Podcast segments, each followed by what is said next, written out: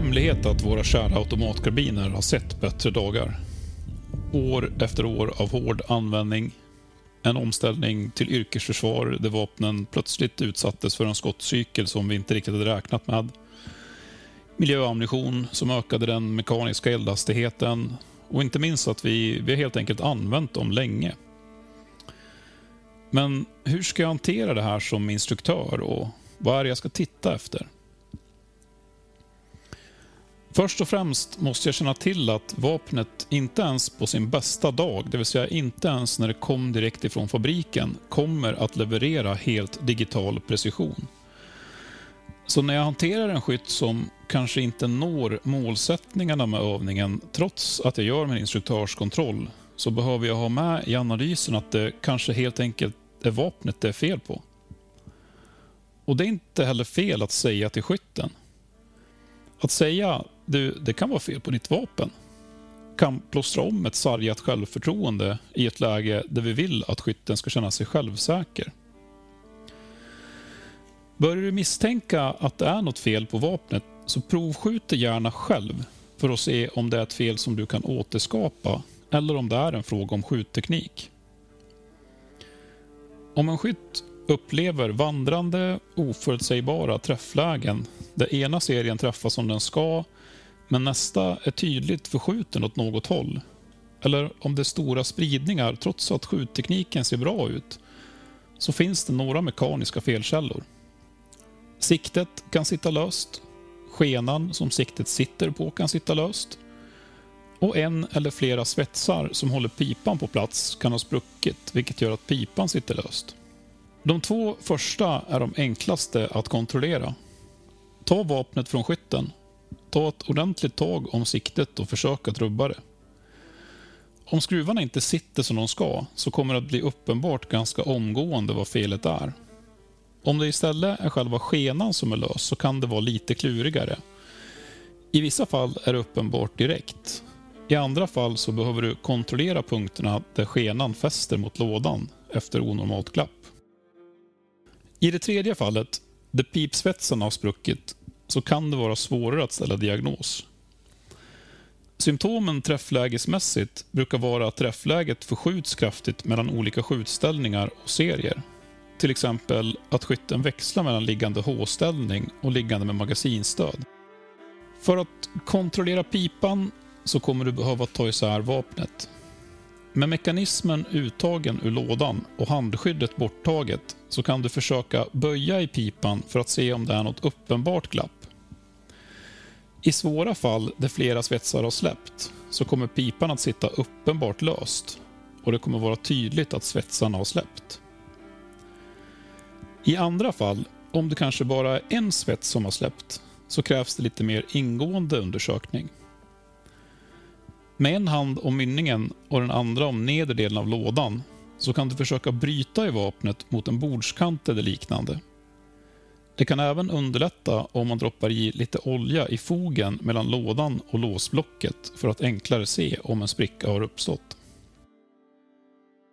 Att siktet är korrekt monterat kan med fördel kontrolleras dels vid visitation före skjutning och dels vid skyttens egen kontroll, vilket för oss in på vapenkontrollen.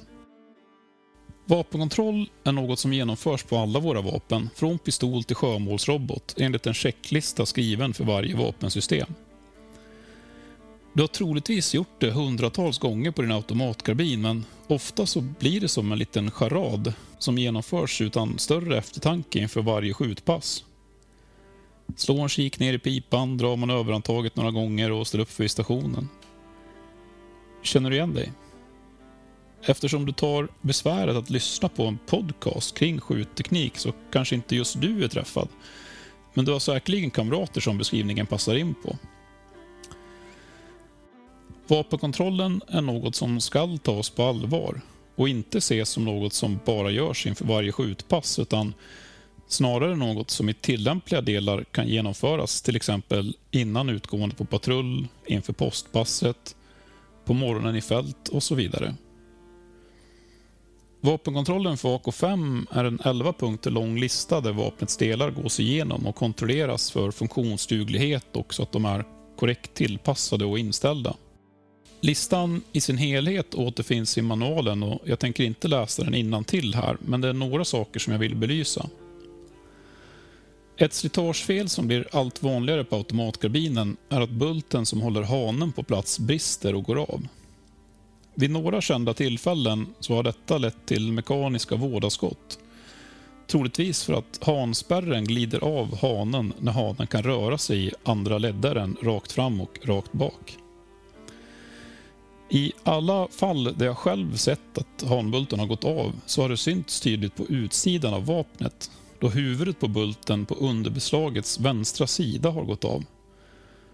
Det här är något du som instruktör bör kontrollera vid varje visitation och med fördel så bör du lära skyttarna att själva titta efter det när de gör sin vapenkontroll. När jag gör min egen vapenkontroll så brukar jag börja längst bak på vapnet med att kontrollera att axelstödet har rätt längd, är helt och funktionsdugligt och att det inte är onormalt glapp i det. Därefter arbetar jag mig framåt och bockar av alla kontrollpunkter fram till flamdämparen och loppet. Kom ihåg att kontroll av eventuella tillbehör också måste ingå i din vapenkontroll. Det vill säga att funktionstesta eventuella laserpekare och lampor och sånt som du har monterat på vapnet och inte minst tillse att rörpunktssiktet är igång och har lämplig intensitet inställd. Just rörpunktssiktets intensitet är något att kontrollera flera gånger under dygnet beroende på ljusförhållanden. Magasinen är en av de vanligaste källorna till driftstörningar på automatkarbinen och också en av de saker som det kanske slarvas med mest under både vapenkontroll och visitation före skjutning. Kontrollera magasinen noggrant. Med plastmagasinen så är det vanligt att magasinsläpparna har spruckit och med plåtmagasinen så är det vanligt att de har blivit bockade. Det är inte fel att numrera sina magasin och detta då för att kunna ha koll på vilket magasin som satt i vapnet när du får eldavbrott. Om du till exempel har magasin nummer tre i vapnet varje gång du får eldavbrott så är det ju rimligt att anta att det är magasin nummer tre som inte fungerar som det ska. Magasinen ska vi se som förbrukningsvara och om du har ett som är trasigt, ta ut det ur rotationen och ersätt det med ett nytt. När vi genomför särskild tillsyn så finns det ännu ett svårupptäckt slitage som vi behöver titta efter, nämligen sprickor i låsstycket. Låsstycket är den del av mekanismen där slutstycket sitter och på senare tid har små sprickor börjat upptäckas i bakkant på stycket. De här kan vara extremt svåra att upptäcka då de är tunna som hårstrån och lätt kan förvecklas med ludd ifrån en linnelapp eller en trasa. Och upptäcker du en spricka där så beläggs vapnet med skjutförbud och ska synas av tekniker så snart som möjligt.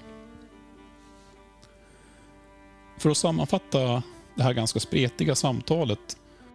AK5 börjar bli ganska sliten, vilket gör att vi måste ha förståelse för att slitageskador förekommer. Ur ett instruktörsperspektiv så måste jag med mig att i vissa fall är det inte fel på skytten, det är fel på vapnet. För att förekomma vissa av felen och i ett tidigt skede kunna identifiera begränsningar i min förmåga att verka, så behöver jag ta vapenkontrollen på allvar och i tillämpliga delar göra nya upprepade kontroller när så är rimligt att göra. Den särskilda tillsynen ska vi inte heller se som någon mödosam, extra noggrann vård utan snarare som en chans för både brukare och chef att tillse att vapnen fungerar så bra som möjligt så länge som möjligt. Det var allt för ikväll. Vi hörs igen nästa söndag och då är tanken att det blir ett rafflande avsnitt eh, om att eh, träna sig själv. Och är det någonting speciellt som du önskar att eh, jag delger mitt perspektiv på? Var inte rädd för att slida in i mina DMs och pitcha in i det. Jag kommer lägga upp en bildbilaga till den här inspelningen på Instagram-kontot för att tydliggöra vissa saker, så glöm inte att kolla även där.